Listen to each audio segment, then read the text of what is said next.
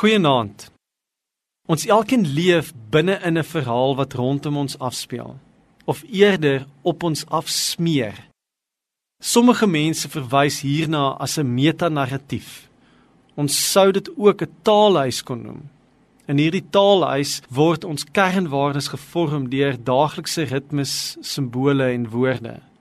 Soos byvoorbeeld die woord besig. 'n Vriend vra my hoe dit gaan, ek antwoord dadelik lekker besig. Ek hardloop behoorlik rond. Die woord het 'n betekenis. Dit verklap iets van my sin van menswaardigheid. Ek het nie nodig om te sê besig nie. Ek sou ook kon sê gesond, geliefd, tevrede, dankbaar, opgewonde of hoopvol. Maar dit is nie die waardes van hierdie taalhuis nie. Nee, my eerste reaksie is om my welstand te koppel aan my werk. Ek doen dit ook as ek 'n vreemdeling ontmoet. Ek sal die persoon se naam vra en direk daarna vra wat hy of sy doen vir 'n lewe. daarmee bedoel ek dan wat hy of sy doen om geld in sy bankrekening te kry. Ek hoef dit nie so te vra nie, want die gemiddelde moderne mens sal weet wat ek bedoel.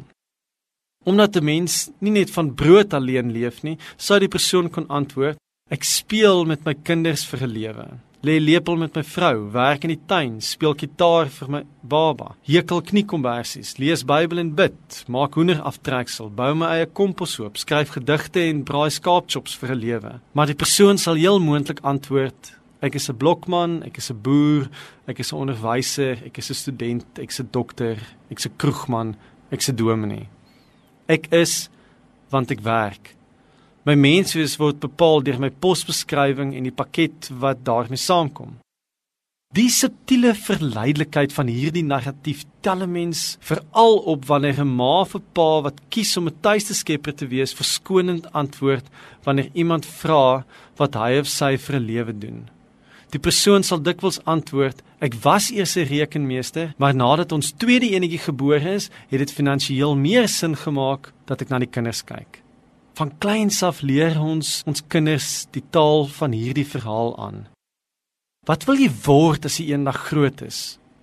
En in 'n oogwink is die mens gestroop tot 'n wat in steede van 'n wie.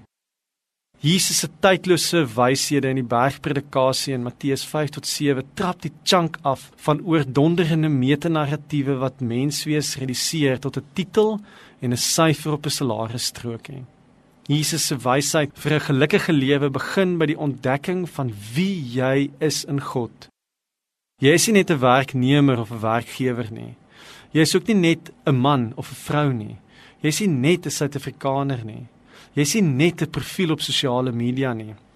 Jy is in die eerste plek 'n geliefde mens wie se hele lewe in die betroubare hande van 'n liefdevolle God is.